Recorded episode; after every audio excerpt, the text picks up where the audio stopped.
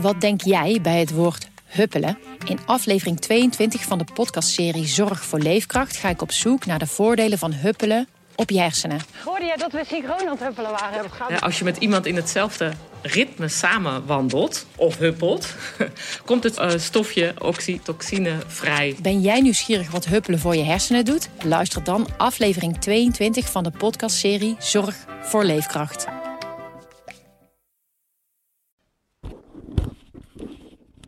Was dus een keer op, de, uh, op een opening van een expositie van Tinkerbell over Tata ja. Steel, waarin zij met, met die magneet. Uh, en dat, vond ik ook, ik vond dat zo. Het uh, was echt een hele paradoxale ervaring eigenlijk. Omdat er, ik, Kort na de opnames van de eerste afleveringen spreek ik af met een vriendin van vroeger, Malou Holshuizen. Zij is nu schrijver. En ook zij is geboren en getogen in Heemskerk. Haar vader werkt al tientallen jaren bij Tata Steel. We hebben het over Tata en Malou vertelt me dat zij bij een tentoonstelling was van kunstenaar Tinkerbell. En we kunnen wel zeggen dat Tinkerbell de magneettest die ik in de eerste aflevering deed naar een hoger niveau heeft getild. Zij heeft namelijk met het grof en fijnstof dat Tata uitstoot kunst gemaakt. En dat stof heeft ze dan weer zelf met magneten uit het zand gevist. Die tentoonstelling was redelijk confronterend. Maar als ik haar daar op die tentoonstelling hoor zeggen. Uh, ze was dat toen aan het uitleggen uh, voor kinderen. En ze zei: Ja, kinderen die daar opgroeien zijn dommer. Want uh, ja, door weet je, giftige stoffen, hersenontwikkeling, lood, dat. En dan voel ik ontzettend veel weerstand. Mm -hmm. Terwijl ik ook voel, ze heeft ook gelijk, ik heb het gewoon gelezen. Dus het is ja, zo dubbel. Um, want ik wil eigenlijk niet dat iemand dat, dat zegt. Maar ik wil ook dat het wel wordt gezegd, want ik wil dat er iets aan gebeurt.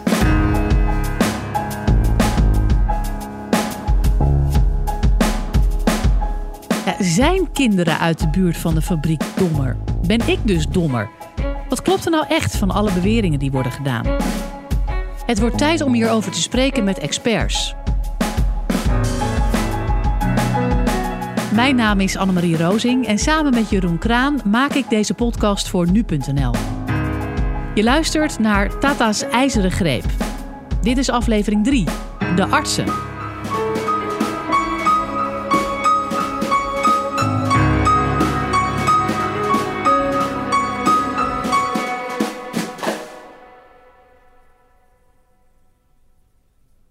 Terwijl we onderzoek doen voor deze podcast, komt het RIVM met een belangrijk nieuw rapport naar buiten.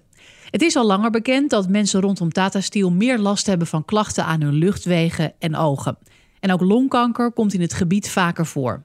Ja, dit nieuwe onderzoek toont voor het eerst aan dat er een directe relatie is tussen zulke ziektes en de uitstoot van de fabriek. Hoi, goedemiddag. We hebben een afspraak bij Luc Verkout. We zijn uh, de bijdrage van Tata Steel Nederland aan de gezondheidsrisico's van omwonenden en de kwaliteit van hun leefomgeving. Dat is de nogal droge titel van dit rapport. Ja, bedankt. Belangrijkste conclusies. Door de huidige uitstoot hebben bewoners van de Eimond een grotere kans om ziek te worden. Bovendien leven mensen in Wijk aan Zee gemiddeld 2,5 maand korter door de uitstoot. Uh, dat lijkt over het algemeen niet zoveel, hè, maar het is ook de weg er naartoe. Dus de kwaliteit van leven is eigenlijk ook slechter. Met de uitkomsten van dit actuele onderzoek ga ik langs bij huisarts Luc Verkouteren. Hij heeft een praktijk in IJmuiden en woont zelf in Wijk aan Zee. Luc is iemand die zich inzet voor een betere leefomgeving in de Eimond. En houdt alle ontwikkelingen rondom Tata Steel dan ook goed in de gaten. Nou, dat begint al bij een verhoogde kans op astmatische problematiek bij kinderen. Uh, ik denk dat als iemand dat ziet op een spoedeisende hulp, dat hij zich echt wel rot schikt hè, als een kind naar adem loopt te snakken. Uh, dat loopt eigenlijk door uh, naar de verhoogde kans op chronische aandoeningen, zoals hart- en vaatziekten, diabetes, COPD, luchtwegproblematieken, tot uh, ja, de ultieme vorm, om het zo maar te noemen, kanker. En in dit geval is longkanker onderzocht. Dus geen andere vormen van kanker zijn onderzocht, maar de longkanker is onderzocht. Het RIVM heeft in zijn onderzoek gekeken naar de gezondheidseffecten die je mag verwachten als er een bepaalde hoeveelheid schadelijke stoffen in de lucht hangt. En voor het eerst is nauwkeurig in beeld gebracht hoeveel van al die fijnstof, stikstofdioxide, lood en pakstoffen vanaf het terrein van Tata komt. En hoeveel er uit andere bronnen komt, bijvoorbeeld de uitlaten van auto's of schepen.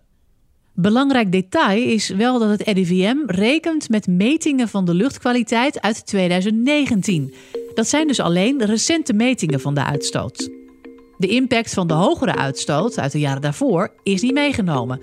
En daar is Luc Verkouteren niet erg over te spreken. Daar ben ik zeer kritisch op. Uh, en zeker ook op de reacties die daarop komen. Van we doen al zoveel, we zijn zo, zo, zo goed bezig.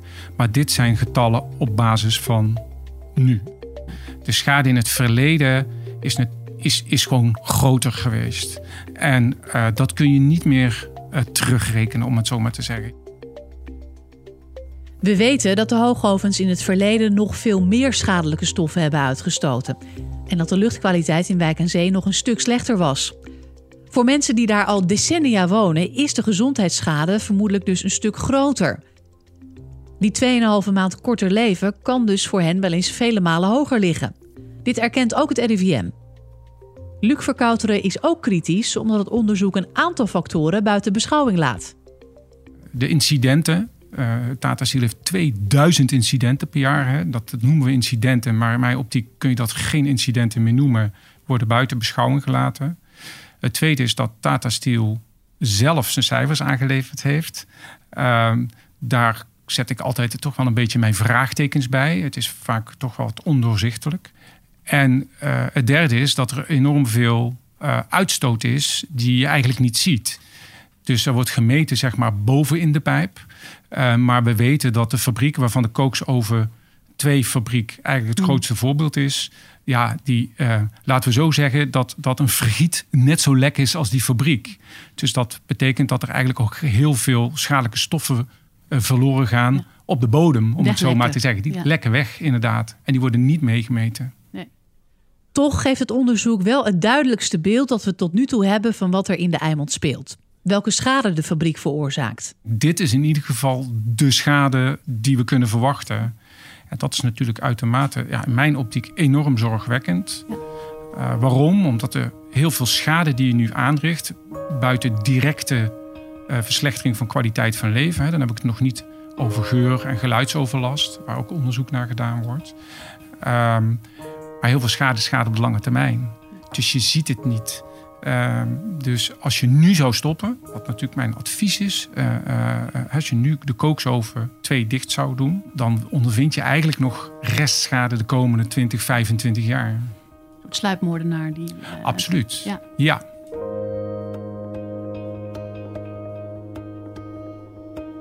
Ik vertel Luc nog over wat we aantroffen en hoorden tijdens de rondleiding van Hans en Antoinette in Wijk aan Zee. Het speeltuintje en de test met het magneet die we daar deden. Aflevering 1 gaat daarover. En hierbij maakt Verkouteren onderscheid tussen fijnstof, piepkleine onzichtbare deeltjes in de lucht en de grovere metaaldeeltjes die we daar vonden. Kinderen spelen daar en, en die gaat het vooral om inname van grofstof. En, uh, want wat eigenlijk wat je, wat je daar op, dat is eigenlijk grofstof. Ja. En uh, dat is ook niet onderzocht. De fijnstof is onderzocht. Maar ja, Kijk, je hoeft geen expert te zijn om te bedenken dat dat nou niet heel erg gezond is. Nee. nee.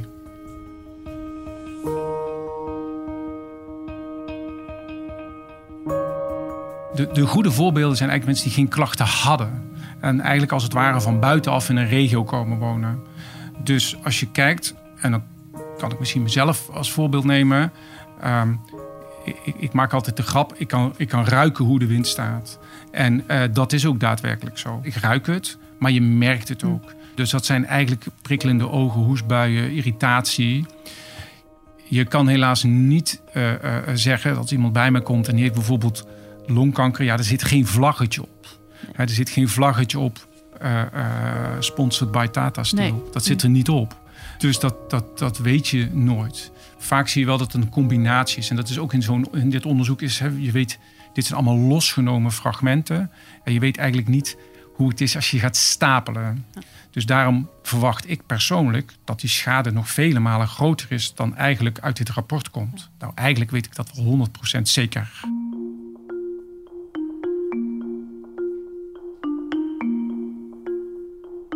Jarenlang zet Tata Steel zelf vraagtekens bij de gezondheidsschade die ze aanrichten. Ze blijven vaag en lijken rapporten weg te wuiven. Het is iets wat we in ons onderzoek keer op keer tegenkomen.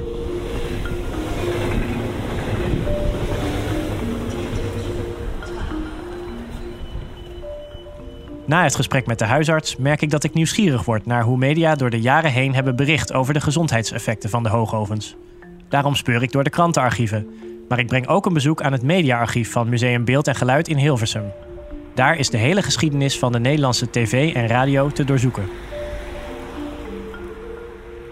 Tijdens mijn zoektocht stuit ik op de documentaire reeks Marco Polo van de VPRO. In de serie uit 1995 brengt een verslaggever het dagelijks leven in de Eimond in beeld. Dit is. Dus dit is foto, die is uh, een van de laatste officiële foto's die je uh, gemaakt En Daar is hij al duidelijk getekend, hè?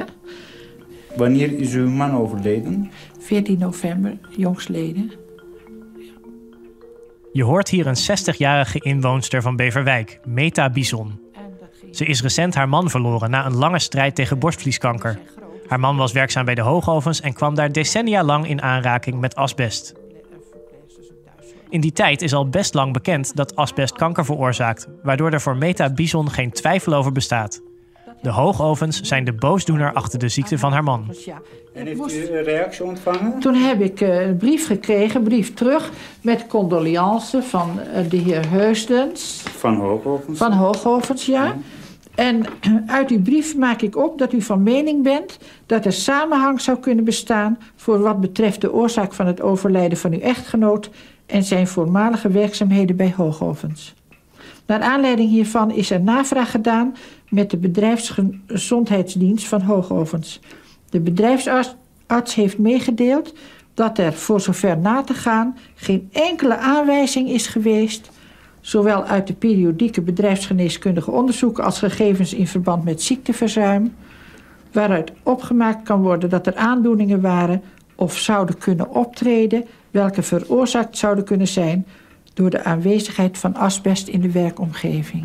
Dat was het antwoord van de Hoogovens? Van Hoogovens. En ik dank de hemel dat mijn man deze brief nooit gelezen heeft. Want ik vind dit aan je bruid, want hij was toch met Hoogovens getrouwd, vind ik echt een dolksteek. Ja, Wat vindt u zelf aan de brief? In beeld verschijnt de melding dat Hoogovens geen commentaar wil geven op de zaak. De verslaggever van Marco Polo besluit dan maar op bezoek te gaan bij de longarts van de echtgenoot. In het Rode Kruisziekenhuis in Beverwijk, dat ook in de vorige aflevering genoemd werd. Albert van der Heijden heet hij. Inmiddels met pensioen, maar gelukkig zit hij nog wel op LinkedIn. Daar weet ik hem nog te bereiken. Als er iemand is die iets moet weten over de gezondheidseffecten van de hoogovens in eerdere decennia, dan is hij het wel.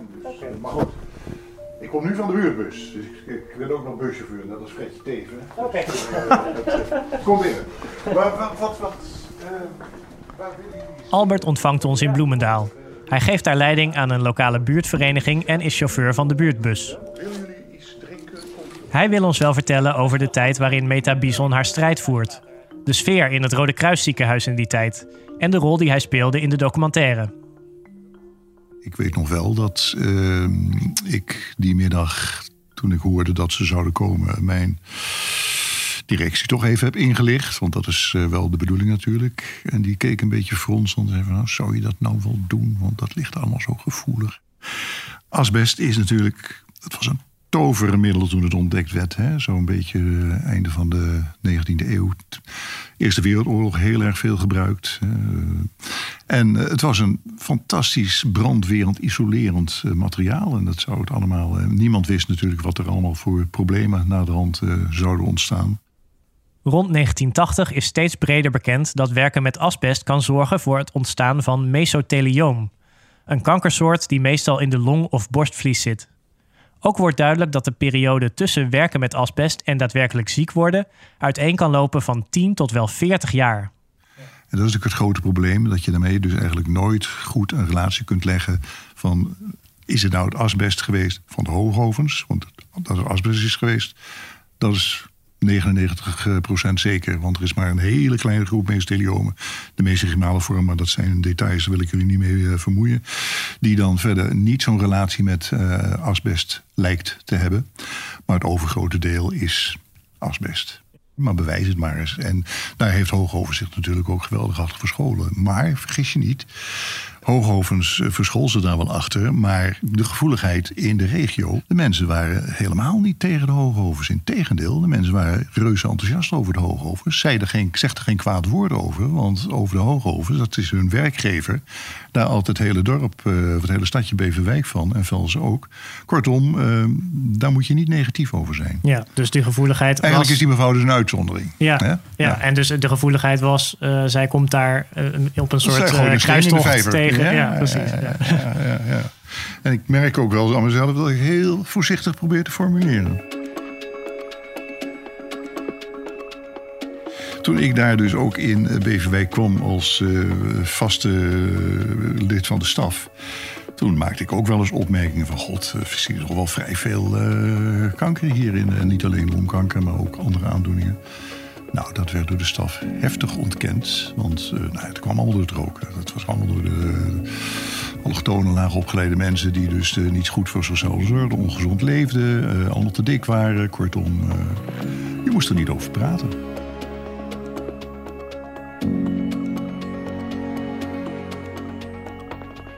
Op de achtergrond zag longarts Albert van der Heijden dus dat er wel meer longkanker voorkwam. Maar pas in de jaren 90 wordt de registratie van kankergevallen in Nederland beter in kaart gebracht.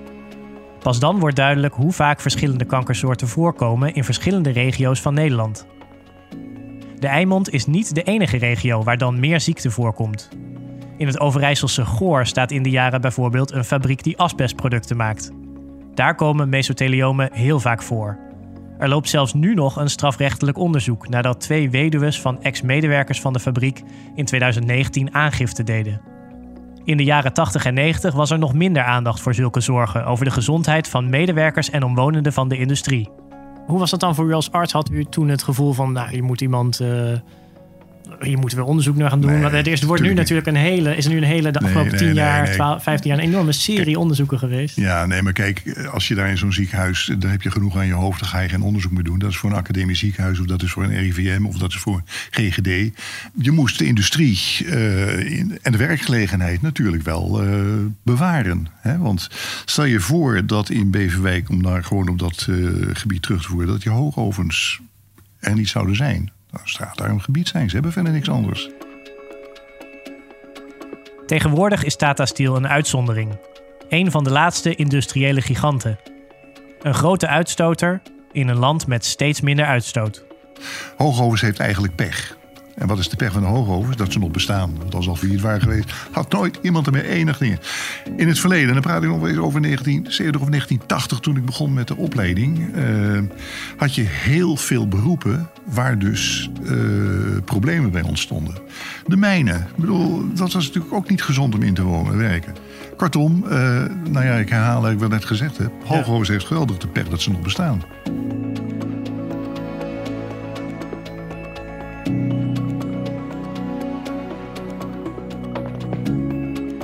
De jaren 80 en 90 zijn de jaren van economische groei, van globalisering. En ook hoogovens ontkomt er niet aan. In 1999 fuseert de Koninklijke Staalfabriek met British Steel. Het fusiebedrijf Chorus houdt het alleen niet heel lang vol. Al in 2007 volgt de volgende overname door het Indiase Tata. Een van de grootste staalbedrijven op aarde. De trots van de Eimond is opgeslokt door een wereldspeler de hoogovens bestaan niet meer. Hè. Je leeft in het verleden. Uh, dit is gewoon een Indiase ja. uh, uh, metaalgigant. en die heeft met Nederland niets te maken.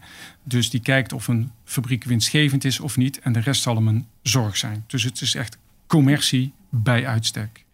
Volgens Albert van der Heijden ging de commercie in de jaren 80 en 90 vaak voor gezondheidsproblematiek door asbest. En volgens Luc Verkouteren gaat dat economische belang in de Eimond ook vandaag de dag nog altijd voor gezondheid. Iets wat hij ook proeft bij Vivianne Heijnen, de staatssecretaris van Infrastructuur en Waterstaat. Die gaat over milieuzaken. Ja, als huisarts, maar ook als mens sla ik er eigenlijk stijl van achterover. En de krantenkop in het Noord-Hollands Dagblad gaf ook aan... Heine zet gezondheid niet op één. En dat is natuurlijk iets wat ik zelf al heel lang roep. Hè. De economische belangen gaan voor de uh, gezondheidsbelangen. En voor mij is dat onverkoopbaar. Uh, de medici, en dat ben ik niet alleen, maar in de regio, wij proberen alles te doen om die gezondheid beter te maken. Wij geven adviezen. Je moet gaan sporten, je moet gaan bewegen, je moet niet roken, je moet afvallen. Noem het allemaal maar op. de, de lifestyle. Er zijn lifestyle coaches, alles tegenwoordig hebben in de levengroepen. En dan staat er eigenlijk een hele grote rokende sigaret. Hè, want dat is het eigenlijk. Ik, ik, beslis niet of ik hem wel of niet in mijn mond steek. Mm. Nee, die staat daar. En die staat bewezen enorm rommel uit te stoken. Ja, ja, ik vind dat nogal lastig om dat te verkroppen. Dat niet alleen. Al die kosten, al die druk, uh, komt allemaal op kosten van de maatschappij. Ja, ik vind dat, dat, dat Heine dus helemaal geen actie onderneemt. Hè? Heine, eh, het is een politicus, een politica in dit geval. En, en die, we gaan er naar kijken. We moeten samenwerken. Al die dooddoeners. Ja. Al die dooddoeners die vanaf 2018 dat dit begon te rollen... Uh, allemaal al aanwezig. En alle clichés komen voorbij. Uh, we kunnen niet in één keer, we zijn er afhankelijk van. Nou, ik zie het niet. Daarnaast is er volgens mij een overproductie van staal in de wereld. Er worden op dit moment drie hele groene staalfabrieken gebouwd in Noord-Zweden. Ik zie dat allemaal niet gebeuren. dat als Tata Steel zou moeten aanpassen, dan kan ons eten niet meer ingeblikt worden. ik zie het verband echt niet. dus ik vind dat de politiek helemaal zijn best niet doet. En ik vind, ik moet mijn complimenten geven aan de lobbyisten van Tata Steel. Ja, die zijn toch in staat gebleken om hun economisch belang zo naar voren te schuiven dat de gezondheid eronder mag lijden. Ja, ja vind ik echt boink. ja. Daarnaast uh, weet Tata Steel al uit vorige rapporten dat wat ze aan het doen zijn. Dat weten ze al eigenlijk alle veranderingen waarvan hun aangeven tot nu toe dat ze hebben moeten doen, zijn bijna allemaal door de rechter afgedwongen. Dus het is een groep mensen uh, uh, die dan zegt van dit kan niet zo bestaan, we gaan naar de rechter en de rechter zegt dit moet er gebeuren. Dus de, de vrijwilligheid van Tata, die is niet zo groot. Begrijp ik dat? Ja, dat begrijp ik. Want dan ga ik terug naar dat mannetje in India en die zegt: luister, ik heb maar één doel, zoveel mogelijk winst halen. En, dat, en die winst, dat is voor mijn aandeelhouders en voor mij. En de rest, daar lig ik niet zo wakker van. Maar, zegt hij dan tegen meneer Van den Berg waarschijnlijk, of hij geeft hem opdracht. Uh, luister, je moet het wel zo doen dat we zo lang mogelijk open kunnen blijven. Wij moeten zo lang mogelijk kunnen blijven produceren met zo min mogelijk kosten. En dan krijgen we die roadmap 2030, wat in mijn optiek niks anders is dan een huishoudboekje. Dus die roadmap, die zeggen van ja, en dan zeggen ze het keer, wij gaan 300 miljoen investeren. Wauw, 300 miljoen, dan moet je nagaan. Hè? 300 miljoen. Wij gaan 300 miljoen investeren. En dan komt het goed. Dat bedrijf maakte vorig jaar 862 miljoen winst. Ja, één jaar hebben we het over. Hè? 802. Nou, ik hoef niet te vertellen wat ze voor de water betalen. Ik hoef niet te vertellen wat ze voor gas, water en licht betalen. Hè. Dat hoef ik ook allemaal niet te vertellen. Uh, en ik hoef ook niet te vertellen hoeveel belasting ze betalen. Nou, geloof me, de kans dat ik meer belasting betaal is aanzienlijk. ja. Er is een rechtszaak geweest over uh, het plaatsen van nieuwe filters. En, um, en vlak voordat die rechtszaak was, heeft Tata Steel gezegd: dat gaan we doen. En daardoor is die rechtszaak dus niet door kunnen gaan. Die rechtszaak was in 2018 of 19. Ze zitten er nog niet. Vier jaar, vijf jaar. Mm, je kan wat vertraging hebben, dat geef ik toe. Maar, maar kom op, jongens. En je weet dat, het al zo lang. Dat klopt. Hè? Die onwil is. Er is geen wil. En je kan ze nu niet dwingen, omdat ze al gezegd hebben dat ze ze gaan plaatsen. Aan het einde van het gesprek met huisarts Luc Verkouteren vraag ik me nog af wat aan het begin van deze aflevering aan bod kwam. Zijn kinderen in de eimond echt dommer? Het rapport zegt daarover dat het gemiddelde IQ bij kinderen wel iets lager ligt. 0,2 IQ-punt om precies te zijn. Maar met de kanttekeningen van Luc Verkouteren kun je je afvragen of dat getal niet hoger ligt voor kinderen die jaren geleden in de omgeving opgroeiden. Je kunt er in ieder geval niet omheen dat Tata Steel gezondheidsschade veroorzaakt. Zo ongekend. Dus dat bedrijf begrijp ik, maar ik begrijp het ook niet, omdat ik het als mens niet zou kunnen doen. Ik zou als mens geen schade kunnen toebrengen aan een ander mens. De overheid ook natuurlijk, hè, omdat de overheid eigenlijk dit gewoon blijft tolereren.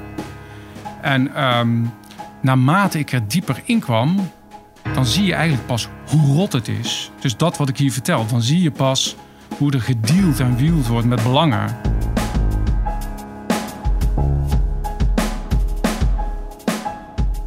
Dealen en wielen met belangen. Een overheid die niet kan of niet wil ingrijpen. Dat hebben we vaker gezien in het 100-jarig bestaan van de hoogovens. In de volgende aflevering kijken we naar die overheid.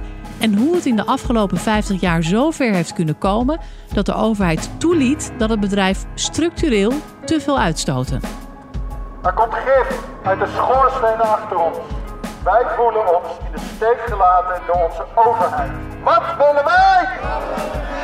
Wat willen wij?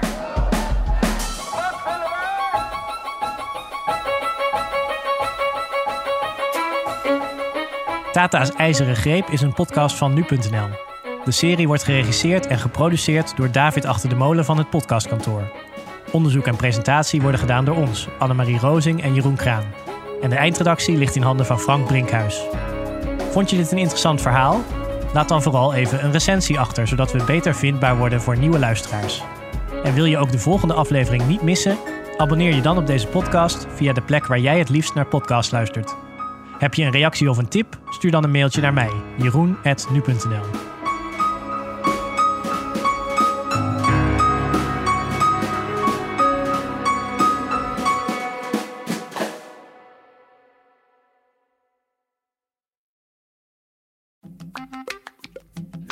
Wat denk jij bij het woord huppelen? In aflevering 22 van de podcastserie Zorg voor Leefkracht ga ik op zoek naar de voordelen van huppelen op je hersenen. Hoorde jij dat we synchroon aan het huppelen waren? Ja, als je met iemand in hetzelfde ritme samen wandelt of huppelt, komt het eh, stofje oxytocine vrij. Ben jij nieuwsgierig wat huppelen voor je hersenen doet? Luister dan aflevering 22 van de podcastserie Zorg voor Leefkracht.